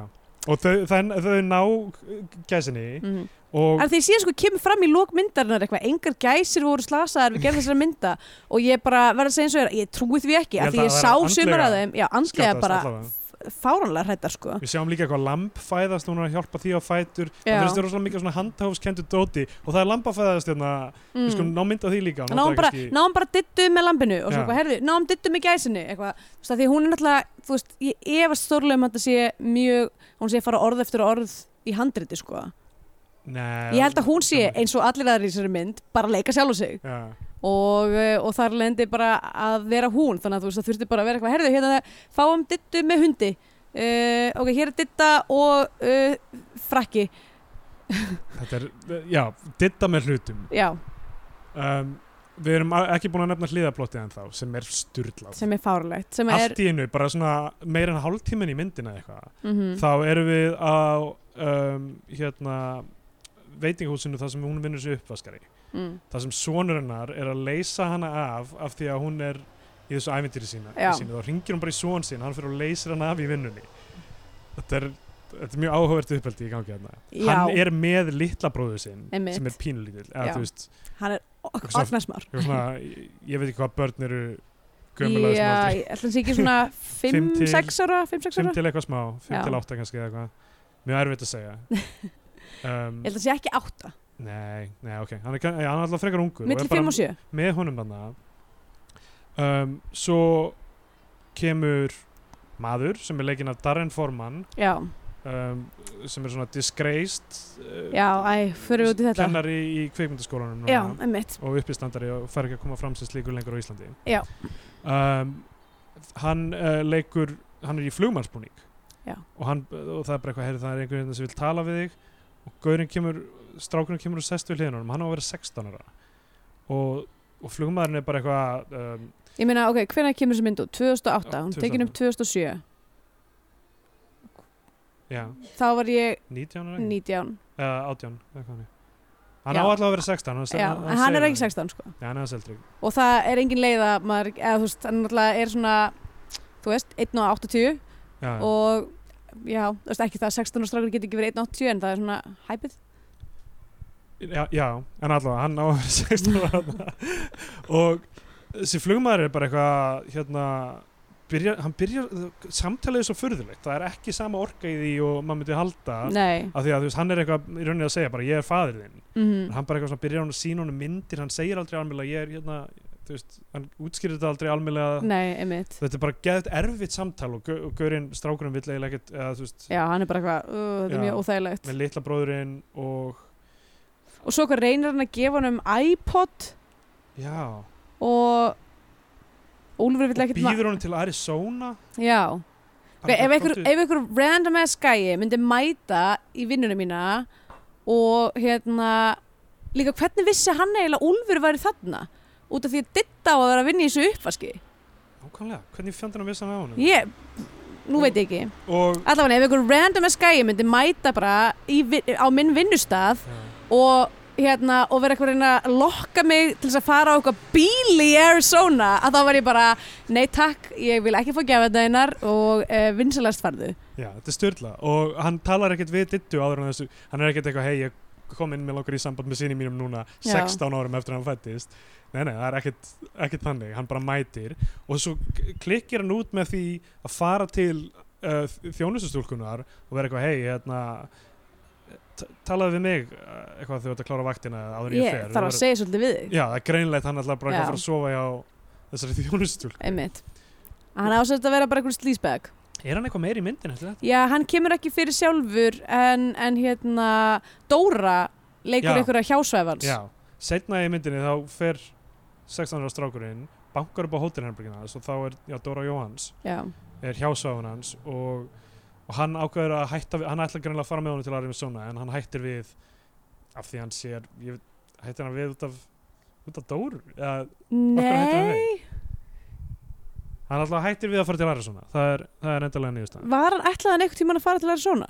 Ég held að hann væri komið til hans og eitthvað svona Til þess að segja eitthvað, hei, ég væri til í að fara til að vera eitthvað svona að leita eftir meira sa- sambandi eða, Já, ég, Ég veit veit, eins og ég segi, þessi, þessi hliðalína var, Þetta er mjög Skrýtin. slæmt og bara, þú veist það er ekkit, það er ekkit í þessu nei, Gaurinn heitir Forrest já, og uh, já, maður sér hann ekkit aftur nei, nema, þú veist, að svo í lokin það spilar þetta bara inn í að, þú veist maður sá aldrei neitt eitthvað ósætti milli hans og m- móður hans nei, einmitt, þú veist, þannig að þetta var ekki eitthvað svona til að leysa sem er skrítið það því að hann verðist vera að ala upp bróður sinn og vinna, Vinna vinnuna vinnuna. hennar og, og svo er alltaf í að því að hún sé alltaf eitthvað að segja, allir gera hluti sem hún gerir síðan ekki já, um, þetta er- kannski þetta- var það punkturinn með þessari hliðarsögu Ah. en Ég veit, ég veit ekki hvað þetta er sko. á, Nei. maður, að- þú veist, á þetta að vera þannig að maður eigi að hafa alls konar fyrirfram hugmyndir um dittu og eitthvað sem vera að við vitum bara ekki að því Já. okkur er alveg sama bara ó ég er að fara þú veist, eins og ef maður færa að horfa á mynd sem ég veit ekki, bara einhver, einhver þú veist, ef, ef Sigmundur Davíð myndi leika í kvikmynd Já, það var auðvitað alltaf að vera eitthvað svona nikka til manns eitthvað af því að maður ætti að vita eitthvað já, er það tilfinningin þarna bara af því að þessi manneskja sem er eitthvað smá celebrity einmitt á Íslandi þá eigi maður að taka ekki mikið af einhverju þannig með sér inn En í- hún er ekki hún, Nei, hún er ekki- allir aðrir eru þeir nema hún er einhver önnur Já, Já, óttar er læknir. fyrir utan það Já, ok, við sjáum síðan inn, í, inn á spítalanum, þá er íska stelpan bara vakir yfir yngvari E Já. og er að byggja fyrir honum og svo þegar hann rankar við sér þá hérna uh, er maður í næsta rúmi, þetta er styrlað sekvens allt saman, sko. Já, vá, sá, ma alveg sá maður er eitthvað svona, herruðu, já, þú ert búin að jafna þig, hún var hérna, já, hún er sopnuð í fanginu á yngvari E, bara við hliðin á rúminu mm.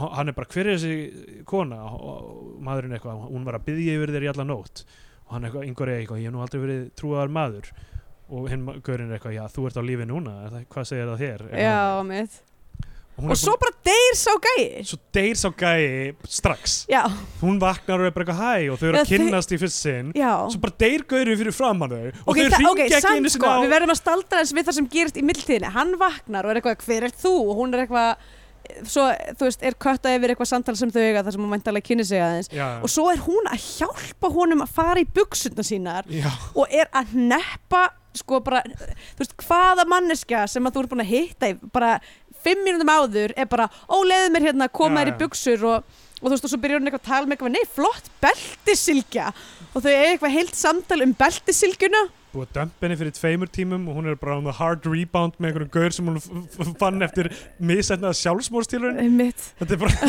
styrlu. mjög skrítið og bara á meðan að þetta er í gangi þá byrjar bara gæin að deyja Já, b- gaurinn og bara- þeir bara svona bara, standa "Ugh", og deyr. og horfa og er eitthvað ok, Hann er döður hann er dauður og svo bara kemur ykkur hjúka aðvíðandi og, og, þau- og spyr eitthvað svona eru þið, eru þið hérna Aðstandendur deyr. Já, Í staðan fyrir, ó, hei, hey, akkur letu ekki vita, maður hann er bara að deyja, við höfum getað að gefa honum fucking kortisól eða Já, eða hvað, nákvæmlega. hvað sem hann notar gegn dauða. hvað er gott Ah. gegn dauða? Alveg Látið mig endilega vita, já því ég veit ef það að ekki. þið munið hvað lífið heitir sem að er gegn dauða þá endilega heyrðið okkur Svo sétt, þessi maður er að deyja, best að gefa honum lifið sem við göngum öll með, sem er jafn, Opnar- bara jafn algengt og selt jafn víða og heita lumur, eða venjulega lumur, fór Já. upp með þetta. Eh, jafnvel volgar- volgarlumur Volga Lumur uh, Já, en allavega hann fucking deyr og þau eru bara, hún er bara, þau eru aðstandunir eða hvað og þau bara, oppa, eitthvað eitthvað, bi- næsta skoti bara, þau eru í kapellu og þ- hann er ennþá í bara einn Já, flotta hús einmitt. sjúkrahús en gæin í kistunni er komin í jakkaföt Þetta er bara, hvað er að gerast þetta? Hann er ennþá, eins og þessi nýstíðin upp úr, eins og þessi bara eitthvað sjúkrahús kapellan eða já, eitthvað já, og mitt það er bara fullt af fólki í jakkafötum svartklætt uh, og uh, eitthvað gráta og bara eitthvað, ég Einmitt. samhryggist þetta er bara einhver kistulagning sem er að gerast áður en sko að maðurinn er hann kaldur Já það er ennþá bara eitthvað að leka úr honum bara loftið En það er samt búið að koma honum í jakkaföt einhvern veginn. þetta er bílun og yngvar fær ekki einu sinni af hverju í fyrsta lagi eru þau að þykjast fyrir aðstandur þessum manns og af hverju all, halda allir af hverju- það þekki greinlega fleira fólk af því annað fólk mætir í kistjulagninguna Já, og kalla þau einhverjum nöfnum líka eins og þau séu einhverjum, einhverjum, einhverjum fólk sem að þau eiga að þekkja. þú veist, í kistjulagninguna mætir nánasta fjölskylda þannig að myndi þe líklega þekja hvern einasta Já, nákvæmlega. Þetta eina Myndi enginn dansi. vera eitthvað, hver er þetta? Akkur er Þau þú bara- hérna í kirstulegningunni Þau hjá bara þið- mömmu minni? bara ég samhryggist og svo fara þau bara að flissa þetta er allt búið eða eitthvað svona Ah. og, og það fyndið að þau jörðu einhvern mann Og svo er þau bara ekkert meir í myndinni. Nei, svo er það með fyrir að þáttir í myndi Íska stelpan er bara komin í samband við hennan veika mann Er það? Eru þau komin í samband eða... Ég veit ekki hvað er í gangi en hvað ætlar hún bara að flytja inn á bóndabæðin hans Ég, það þarf Horfa einhver á að hann- sjá um þessa gæsir. steipa sér í glötum Þetta er, þetta er ókísa traktist allt saman Það þarf einhver að sjá um þessa gæsir. og við sjáum líka sjá þarna að fáum líka sjá að Óttar Proppi er uh, sem sagt læknirinn hans hann svo sem Já, skýr hann upp einmitt. eða eitthvað og kom beint úr partíinu bara Nei, hann er, læknir, hann er að fara í eitthvað, þú veist, að setja eitthvað Eitthvað skrú. mjálmabein, já, Mm, eitthvað já dæmi. nei það var eitthvað annað Þannig að þá, hann er einhver ok. annar læknir, sko. Já. Hann er ekki læknir En hans. hann er samt að fara að framkvæma skurðagerð en hann er komin úr þessu partí Já, einmitt. þetta er sturlun allt saman ok uh, Ditta mætir heim í hús með gæsina Já. uh, Af því að hún meikaði ekki, hún, frakkin var ekki til í að, uh, sem sagt, að skera þessa gæs nei, og hann hún, bara fríkaði út og gata ekki já, og hún meikaði ekki Já, heldur. hún fór fyrst með ógeðslega langt ljóð Já, hún- ótrúlega sem langt frá. ætlaði engan enda að taka þar sem var- átti að vera byggjusspennun og hún væri að fara að skera þess að gæsa hálf, á háls fyrir augum okkar Já, einmitt. Uh, svo gerist það ekki. og þau bruna beinleðis á, á dýrspítalan í Viðdal, býstu við? já og þar er ólöfdari Já, Ólafudari er uh, á að vera læknir og er ykkur svona, eh, já, á að vera dýralæknir þarna. og hann tekur x-ray af gæsinni já, og svo er hann eitthvað, já, herðu, nei, hún verður bara að kúka þess út. já hún verið að skila þessu því að ef þau myndu opna hana þá verið líklegt að magasýrutar myndu skemma Síman. en ekki ef að síminn er búin að fara í gennum allan ristilinn eða hvað Nei, sem nákvæmlega. gæsir eru með Ég var líka með þetta að hugsa, ég hef aldrei séð stóran gæsaskít. Gæsaskít er, er alltaf eitthvað svona mjór, svona litlar lengjur. já. Sensin að þessi sími sé að fara að komast út úr gæsinni, sko. kannski er það með mjög víðan ristil en bara mjög þröngan endatharm að þú veist það er svona eins og tangreinstúpa það er svona, svona Já, en þannig þá er símin ekkert að fara að komast já, það út. myndi hann Af því stoppa að símin er ekki úr einhvers konar mold eða þú góður veist- punktir þetta er ekki einhver svona, þetta er ekki einhver svona leir eða gummisími. þessi sími var eitthvað svona Nokia takasími bara. Já, hann er ekki teginlegur, það er ekki hægt að þjappa þessum síma. það var eitthvað svona 510 eða eitthvað þannig Þannig að ég veit ekki hvernig, ég veit ekki hvernig síminu myndi komast út allavega. Nei, Þau Eh, allavega, þetta láta er allt ekki, styrlað Já. og hann, eh, hann lætur þau fá bara hérna röngjamyndina og f- segir bless og fl- eh, flissar að þessu öll saman af því að þetta ætlar engan enda að taka þetta með gæsina Nei. sem er eitthvað svona sniður brandari sem er bara mjólkaður bara alveg sko. endalaust. og Þessum að enginn í öllu partíinu er færum að drepa Nei, gæsina. hún mætir heim, partíið er búið það er allir búin að fara heim, en Mm. einhverjir eru þarna ennþá og, það, og við fáum, hún kemur inn með gæsina og bara sá sem sker hann upp og tekur síman út, fær pók af grasi hérna Já, og þá fáum við svona testimonials frá öllum á staðunum þar sem þau horfa beint í kameruna já, og útskýra af hverju þau get ekki gert þennan hlut já, allt í einu er þetta orðið bara eins og einhver svona Office eða Parks and Rec þáttur eða Einmitt. eitthvað. það sem þetta fólk sem við höfum hitt mjög mismikið já. Alexander Brímvinum minn er þarna í hlutverki við höfum séð hann segja eina setningu fyrir utan partíið Já, og svo allt í einu syngur hann heilt lag einmitt. sem ég man ekki ha- hvort hafði eitthvað með gæsin að gera eða síman Nei. og fólk er eitthvað, ég er lesbí á þarlegandi get ég ekki skorið upp gæs eða eitthvað whatever og svo þú veist það er eitthvað, Ekki svona nálagt geiprætt. eitthvað já nálega geiprætt Það fannst mér mjög skrítið. það er ekki lægis á brandari Nei, en alla, þú veist það er allir að segja já óta proppi er eitthvað, ég vil ekki vinna á anatómíu sem ég þekk ekki, já. Erpur segir eitthvað ég rappa og ég klappa og ég ætla ekki að taka upp þennan síma úr þessari gæs Gengir í maðurna hjá Erbi. þetta eru hans orð Já, þetta er, við komum ekki náttúrulega þessu. Já, um, það er langt og skrítið og svo endar það bara á því að hún fer bara með gæsina í handoffið og lætur Já. hann fá gæsina og fær peningin sinn. Já, Stefán allir bara tekur við gæsinni og já, hún mun þurfa að deyja hjá honum já, já. eða, eða hann býður eftir hún kúki út fucking símanum sem er ekki fara að gerast Nei, sem aldrei að fara að gerast ef Og- við vitum eitthvað um þess- Líka, sko, eitt með hennan síma Nú e, er kortið raunverulega það sem skiptir máli Þú veist, e, í símkortið svona gömlu síma 100% sko. símanúmerið Já. Þannig að þú getur bara fengið, að því að þú veist það sem skiptir máli er að fólk haldi áfram að ringja í þig já, Þannig að tjóðlega það er góða punktur hún hefði bara getað farið í, þú veist, símver Vodafone eða eitthvað og verið eitthvað, herri, ég týndi símanum mínum, ég þarf að fá nýtt kort fyrir nýjan síma, uh, sem sagt, með númurinu mínu. Sko, að því að númerið er ennþá skráða mannskuna. ég veit ekki hvort að það sé einhver vikt í því að símanúmerin séu seifuð inn á korti eins og væri þessum gömlu símum En þú Nei, ég eitthvað held, þá að að, vita hver er að ringja hverju sinni ég held að það skiptir nefnilega ekki máli. Ekki í þessum business. Þú vilt ekkert vera með alla, þú veist, dópsali sem er með svona, nákvæmlega. svona síma er ekki að fara að vista nöfn Nei, það er allra sturlað. viðskiptavina sinna inn í síman af því að það er bara sönnunagagn. það er 100% Það er bara rosalegt þannig sönnunagagn. að það er engin vikt í því Nei, þannig að uh, já, hún hefði, ef að, ef að þetta væri betur að sér í, í, í nýstu tekna vísindum að þá hefði hún bara getað farið í þjónustu fyrir Vodafone og fengið kortið og sett það í annan síma og uh, já, ekki þurft að við höfum sloppið þessa mynd já, við hefðum ekki þurft að horfa á þessa mynd já, það hefur verið ágætt einmitt. um, Og já, svo fer hún, lætur hún fá gæsina fyrir heim til sín uh, og þau ákveða að fara til Jamaica já, og svo er myndin búin já. Uh, central konflikt í henni sem var uh, að ná þessi gæsinu sími- út nei, sem ná við- símanum og gæsinu Já, sem, og gæsin kemur ekki til- í spil, uh, Já, í já. spili fyrir löngu eftir miða mynd, skilur, þannig að það er aldrei hennar mál er aðalega bara að býða eftir að hann samþykja þetta daginn eftir af því að hann vildi ekki alveg ganga þessari tölu eitt, já hann þurfti að bara redda Já, þetta er peningum retta peningurum nákvæmlega. þannig að það, við erum að býða eftir að uh, einhver auka persóna retti peningurum á meðan hún er bara að chilla og má ekki týna símanum já, það gerist í einhverja 20 mínútur já. og það er, það er konfliktið í Já. rauninni sem við erum að horfa á hérna og þau já, snúa sem sagt einhverjum netti og lenda á Jamaica og þá verður ekki ógæslega fyndið á því að það er frækt grasreikingaland Já, einmitt. og það er myndið búin Já. Og hvað stendur eftir? hvað höfum við lært, Hvað hefur við lært? hver sagði þetta og af hvaða tilefni Já. Um, Uh, ég lærði ekkert á þessari mynd. nei, förum í Skandinavia Benedict Hérna, uh, það er náttúrulega, er, það er eitthvað svona pínu töfrarunnsæðis element í þessu. Eins og hún er eitthvað svona situr á stein fyrir utan fangelsið og það kemur svona gítar úr lausu lofti og hún syngur eitthvað lag já, gítarinn og svo birtist bara réttur hún gítarinn aftur upp og hann er horfin.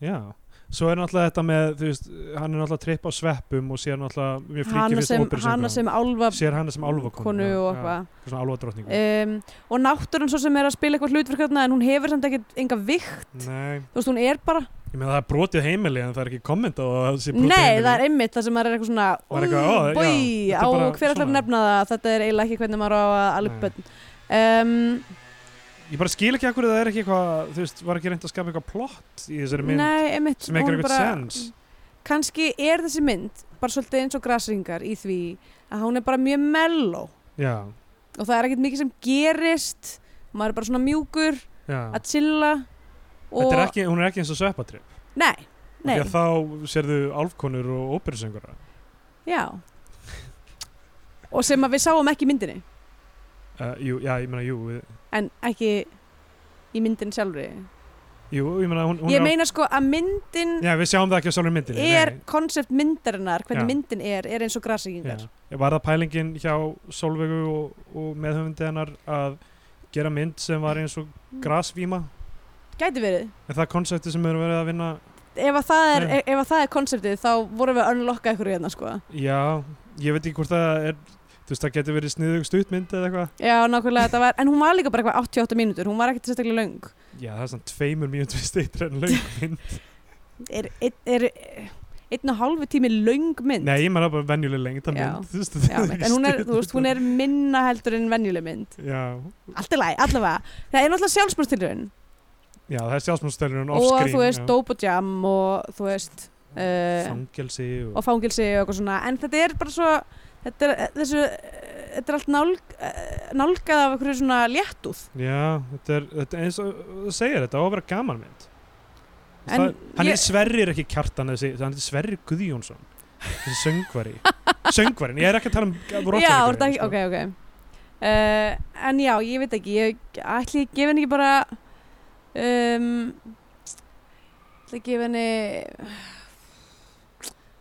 kannski bara fjóra af 11 poetessum Já, þá kemur ég henni uh, 5 af 29 poetrixum Ok Eins og- Eh, já, eins og ditta þá hefur hann lesið 50.000 bækur já, bara það var 50.000 eitthvað ógeðslega mikið bara 5.000 Ég held að það hef bara verið 5.000 Það- bækur sem að mér finnst alveg eitthvað svona, ég er eitthvað svona, já, já Ok, samt, nei ok, Það fer eftir lengt bókana já, kannski er þetta allt einhverju svona pamflets bara, Já, yeah, mitt. ljóðabækur ok, hvað gerst ef ég googla já ég meina, poetrix maður getur, bækur nú- maður getur strauja gegnum 15.000 15.000, ok, það Há. er svolítið mikið þegar hann var að svara Jóhannesi hauki Já. Ég, út af grasireikingum maður eftir þessari deilu Já, Jóhannes haukur alveg rétt setti eitthvað á netið um eitthvað þ- ég þekki engan sem er ekki gras og er eitthvað produktífur eða eitthvað Einmitt, og Pótur sér eitthvað, ég hef lesið 15.000 bækur já, ég er ekki gras og ég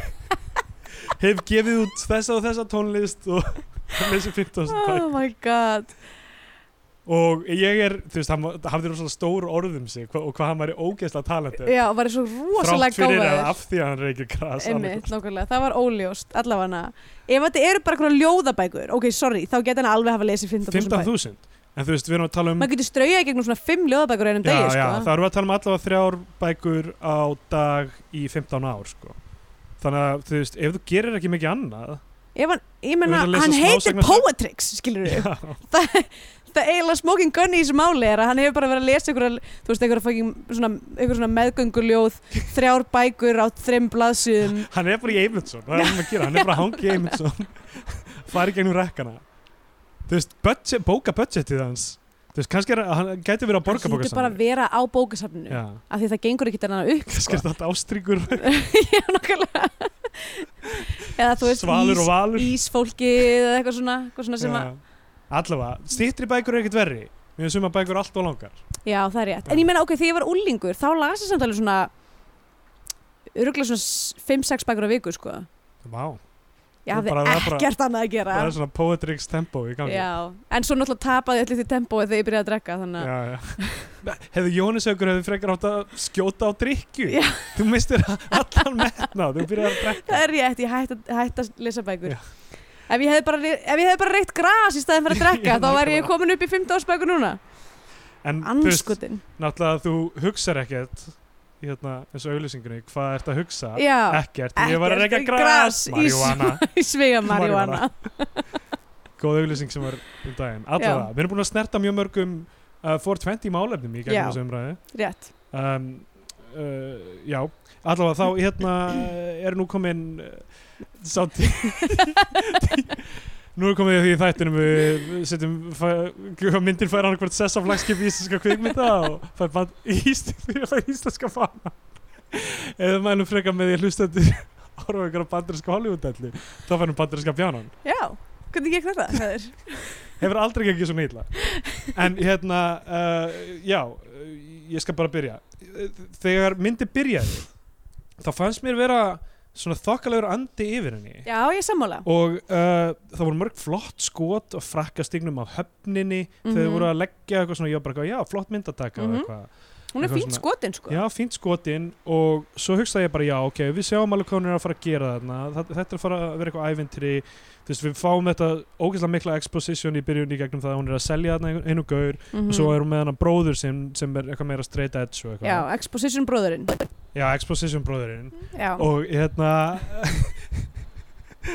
mjög gott Uh, já, þannig að ég hugsaði þetta er kannski að fara að verða eitthvað og svo, þú veist, þegar við sjáum Ólafíur Hrönn og við sjáum, þú veist, þetta fólk byrja að týna stil til hennar Mhm. þá var ég alveg, me- alveg með á því eitthvað, já, það fyndi að það verður svona eitthvað sódómu-esk party í húsinu hennar Já. meðan hún er í burtu og eitthvað, það Einmitt. væri- það verður áhugaverð svona B-plot, en Einmitt. strax svo erpur mætti og einhvern veginn var hann sjálfur þá var ég bara eitthvað, ok, þetta er að f- fara í einhverja Já, skrýtna át Mhm. einmitt. og strax svo þau, þú veist, þú veist það var ekkit í húfi fyrir hann, alla Já. myndina En það voru, engar, það voru líka engar, efst, það hefði verið gaman ef það hefði verið tvær sögulínur já, sem hefði verið partí annars vegar, þar sem hefði verið eitthvað þú veist, einhver örk líka já, já. og hún með eitthvað aðra örk og þú veist, það hefði verið tölvöld skemmtilegra myndi ég halda, en það var bara ekkert í gangi í þessu partí Já, eiginlega ekkert að það var ekkert uh, þannig sé fjörugt í gangi þar annað en að uh, þetta sveppa dæmi einmitt, og uh, já, bara fólk að spjalla um eitthvað einmitt, spjalla um eitthvað hluti um, allavega, það var ekkert mjög gaman og já, bara smám saman fór maður átt að segja á því að þessi mynd er ekki um neitt og það Já. er ekkert í gangi og personurnar eru va- vanhugsaðar og,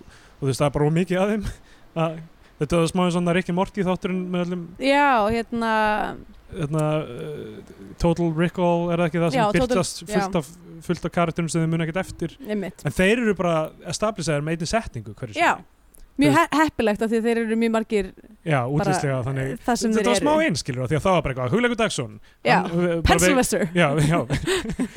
uh, við, við sjáum Hugleik Dagsson við eigum að vita hver hann er eða, þú veist að við vitum hver hann er þú veist, í alvörunni já, já, og þá, en, en það er bara eitthvað þeir eru bara eitthvað að spjalla um McDonalds þeir verðast ekkert hafa neitt ólíkar skoðanir þannig sé á því eða, einmitt þú veist það er ekkert eitthvað stert í því þau bara djöfitt eitthvað hafa að þessar riffa. senur verið ógislega leðilegar fyrir frakkarna sem að horfa á þessa mynd Já, shit Og það er samt verið að tróða inn eitthvað svona þú veist, uh, kvalveiðum og einhverju svona dóti sem eitthvað útlendingar getur haft eitthvað áhuga á já, Alla, þetta er, þetta, þetta er mjög skrítið og þú veist, þessi mynd er ekki um neitt og það, og það gerist ekkert áhugavert og það, það sem gerir síðan sem er þú veist, ster, á að vera stert það er ekki svona örnd, þú veist, það er ekki búið að undirbyggja henni já, einmitt þú veist, eh, eins og þessi gaur deyr hann á sjúkrahúsinu og, og það er eitthvað svona heil, ógeðsla löng sena sem þau eru eitthvað við þessa kistulagningu það við vorum bara að sjá þetta gerast við Einmitt. vorum bara að sjá þú veist, þessa atbyrðarás þannig að það, þú veist, það er ekki búið að byggja upp neitt brandararnir koma í svo slæmu tæmingi einhvern veginn alla myndina og þetta með gæsina sem bara maður halda áfram að horfa á fleira og fleira fólk segja okkur það vill ekki sker upp gæs og Einmitt. eitthvað Mér fannst sko mjög skemmtilegt alltaf þegar gæsin var í ramma af Já. því mér fannst bara mjög gaman að fylgjast með gæsinni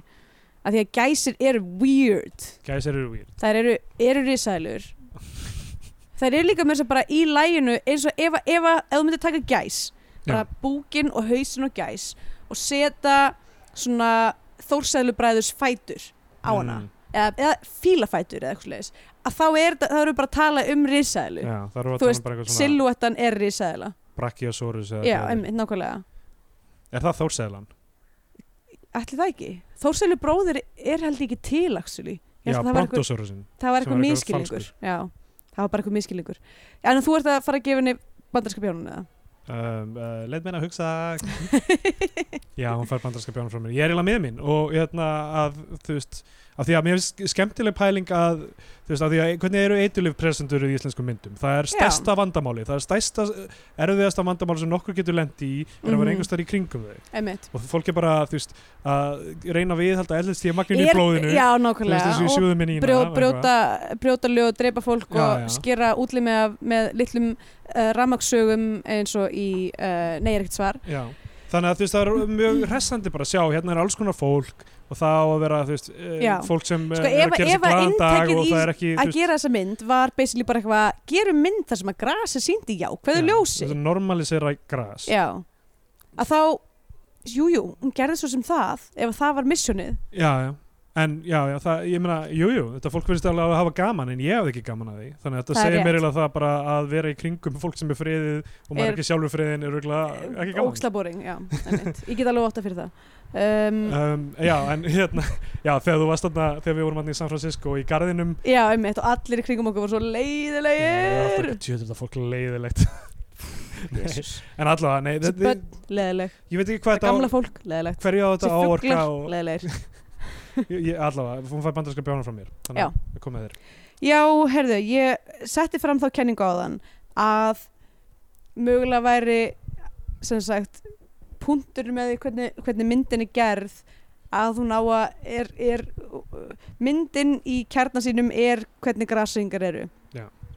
Ég ætla að dræla land með þetta og frekar setja fram aðra tilögu sem að er, það voru allir mjög skakkir sem voru að gera þessa mynd. Frá Já. handriti að klippingu voru allir mjög skakkir.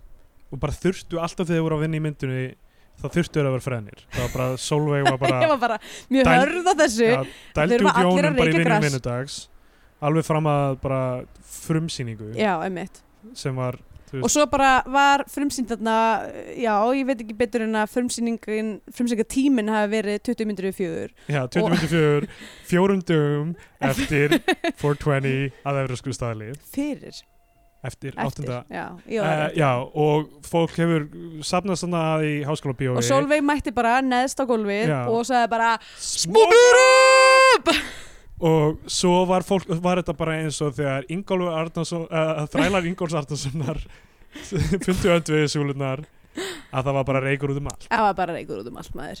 Herðu, já, e, hún fær líka bandarska bjónum frá mér, ég ætla svo sem ég geta að fara, þú veist, mér fannst, mér fannst alveg gaman einhvern veginn, þú veist, Ditta var mér náttúrulega á skjá, þú Já, veist, og einhvern veginn... já ég nefnilega hafði þetta aldrei gaman að henni bara Já, hvernig hún bara lék þetta. hvernig hún var og var, þú veist, að performa sitt dæmi sem Já. ég held að bara hafi verið mjög mikið beist á henni og Hún var mjögulega bara bara hún sjálf eitthvað mikið improv og þú veist, Já. hún eitthvað að segja ljóðin sín og eitthvað svona... Já, ég hefði ekki rosalega gaman að þau öll í ljóðin Nei, en, svo sem ekki heldur. Svona en- bara þegar hún var eitthvað, hún lék rosalega effortlessly, hún var bara einhvern veginn þú veist, í eigin hún var í eigin líkama einhvern veginn. Já, hún var náttúrulega bara að leika sig. Já. Þannig að stundum var skrítið þegar aðri leikarar voru á mótinu sem voru að leika mjög mikið Já, sem einmitt. gerðist reglulega Já, það er rétt, Þa, einmitt. það var bara eitthvað, já, af hverju ert þú að leika svona mikið með það en hún er bara, þú veist, er einhvern veginn að segja hlutina sem hún sjálf sko. Já, nákvæmlega. já, en, en allavega, sá karakter hafði ekki mikið annað en það Nei, Til nákvæmlega. þess að bera. Þannig að þú veist, en já, hún var bara svona eitthvað, hún bara lallaði inn um eitt eirað á mér og út um hitt og uh, mér finnst hún ekki eiga heima á flagskipinu. Þannig Nei. að já, hún fær bandarskapjánum frá mér og ég ætla að mæla með Pineapple Express. Já, Pineapple Express en Harold and Kumar go to White Castle sem uh, að einhverju leiti svona holds up Mhm. það er alveg ótrúlegt, ég veit ekki hvað hann er gömul hún getur ekki verið mikið eldri en uh, skrapút Hvað, Pineapple Express? Nei, eða? hérna, uh, Pineapple Express er svona 2006 held ég En hún er svona, ég, hún sko kom út Sjö kannski þegar ég, eða hún kom að uh, Matthew fekk hann að senda á- með Netflix þegar Netflix var ennþá að Já, senda í geisladiska á milli húsa um, ég horfði á hann í New York 2009 þannig að hún hefur verið Já. komið á DFD 2009 og er það vandarlega svona 2000, Já, 2008 já, 2007, eitthvað hannig einmitt. Allavega þá, hérna, já, hún og þú veist, Haraldur Kumar þú veist, ok, ég, ég man, man ekki hvort það voru svona, svona brandar í Pineapple Express en dáldi mikið af svona brandurum í Haraldur Kumar þar sem, þú veist, pönslanið er að einhver sé samkynniður eða, þú veist, já, æ, þú veist og, og hún er hún er svona pínu sexist undir tónni henni líka, en mjög skemmtileg, mikið fjör í Haraldur Kumar já, þannig að það er alveg þess verið að horfa á hana held ég um, en uh, það er eftir að leggja- nefna líka þú veist byggli Báski sem er alveg Já. stóra mynd það er en ég myndi ekki flokkana sem stónarmynd uh, nei, hún, nei, af því hún er svo mikið meira en það já, hún Um, náttúrulega er ég, þú veist, ef ég þyrfti að setja hann í flokk þá myndi ég setja hann í detektiv myndir Já, algjörlega um, hérna ég myndi segja Bill and Ted's Excellent Adventure þú mátt bara mæla með einni mynd þú Nei, ert ég bara bara- að velja Já, ég ætla, ok, ég mæla, mæla með Bill and Ted, augljóslega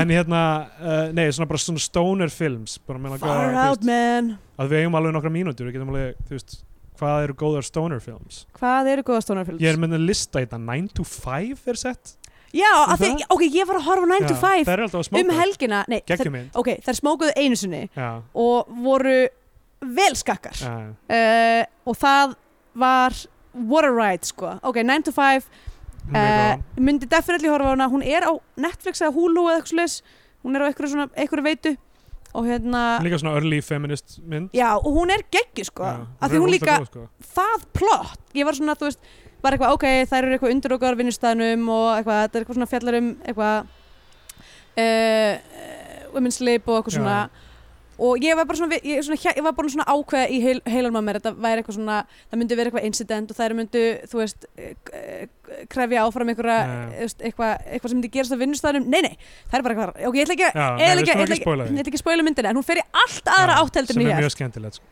um, Half-baked og allir maður myndi segja Friday og half- Half-baked og Friday eru svona 90s já, uh, ekki aðdándi þeirra Mjög fyndi í Friday af því að það sem er í húfi í þeirra, þeirri mynd er þau þurfa að sapna held í einhverjum 5.000 Nei, nei, það eru svona einhverju 200 dollarar eða 300 dollarar Þetta er andverið einhvers 30 eitthvað þúsund kalls í dag sko.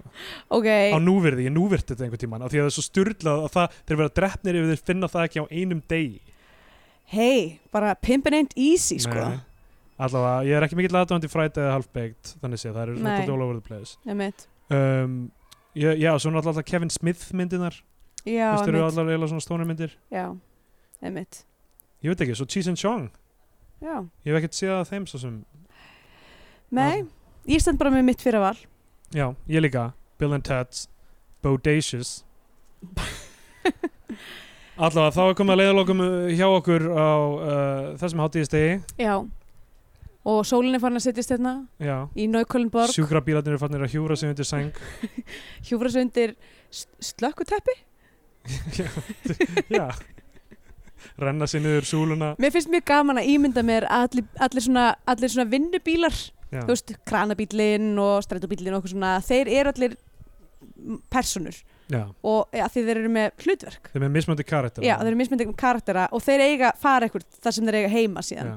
og, og eru þar þegar þeir eru ekki að vinna Löggubílinn, auðvitað vondikollinn já, Löggan er alltaf að reyna að halda okkur niður í það er rétt, það er rétt Þú veist, hún er þetta bara fyrir Þú veist, auðvaldi, skilur Og þú Ég veist, segi það. mamma ekki einu sinni fucking kveikja You sér í find the one. júlu, skilur find the one that benefits the most Alltaf, við erum að- á Twitter at Steindur Jónsson og að söfgalsi og uh, við erum á Facebook undir Bio2 Takk fyrir að fylgja okkur í uh, gegnum þennan dag já, og bara og bara eitt að lokum Blausut! Smoke up!